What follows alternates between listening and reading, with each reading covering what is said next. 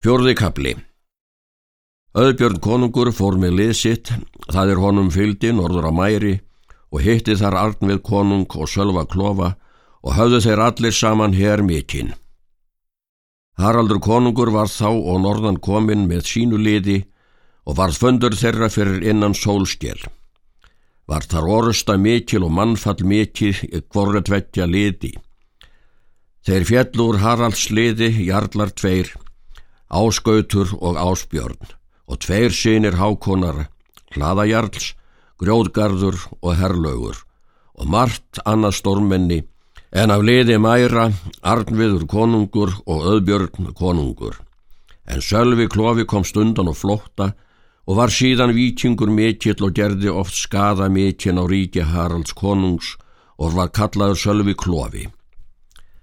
Eftir það lagði Haraldur konungur undir sig sunnmæri.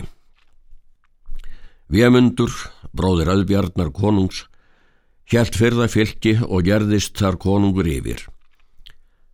Þetta var síð um höstið og gerðu menn það ráð með Haraldi konungi að hann skildi eigi fara söður um stað á höstu degi.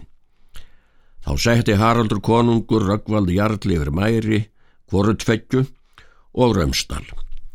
Haraldur konungur snýrið þá norður aftur til Þrámteims og hafið um sig mikið fjölmenni. Það sama haust veittu sinir alla heimför að ölfi núfu og veldu drepa hann.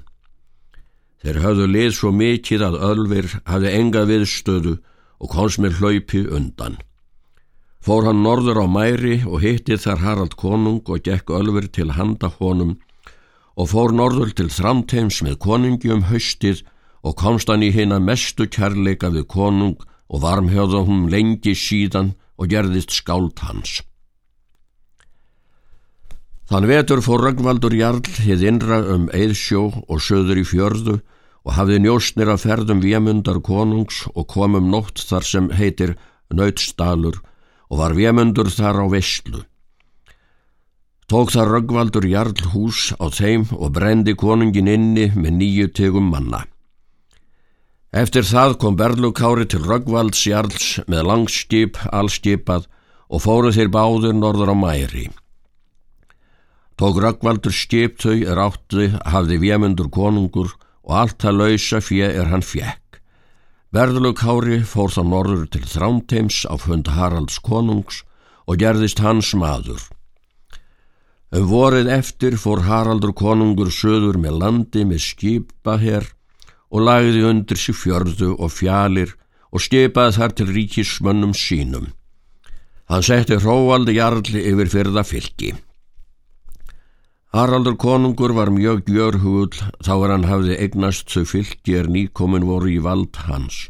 Um lendamenn og ríka bændur og alla þá er honu var grunur á að nokkurar uppbreystar væri að von.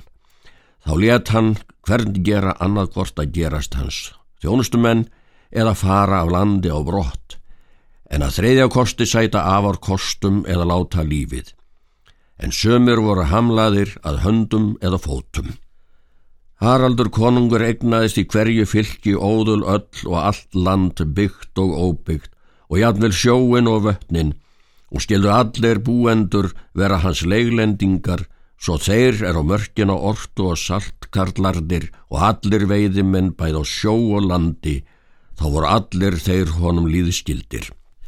En af þessi áþjón flýðu margir menn af landi brott og byggðust á margar öðnir víða bæði austur í Jantalandi og Helsingjalandi og á vesturlöndum söður eigjar, Diblinarskíti, Írland, Normandi á Vallandi, Katanes á Skotlandi, Orkneyjar og Hjalland og Færijar.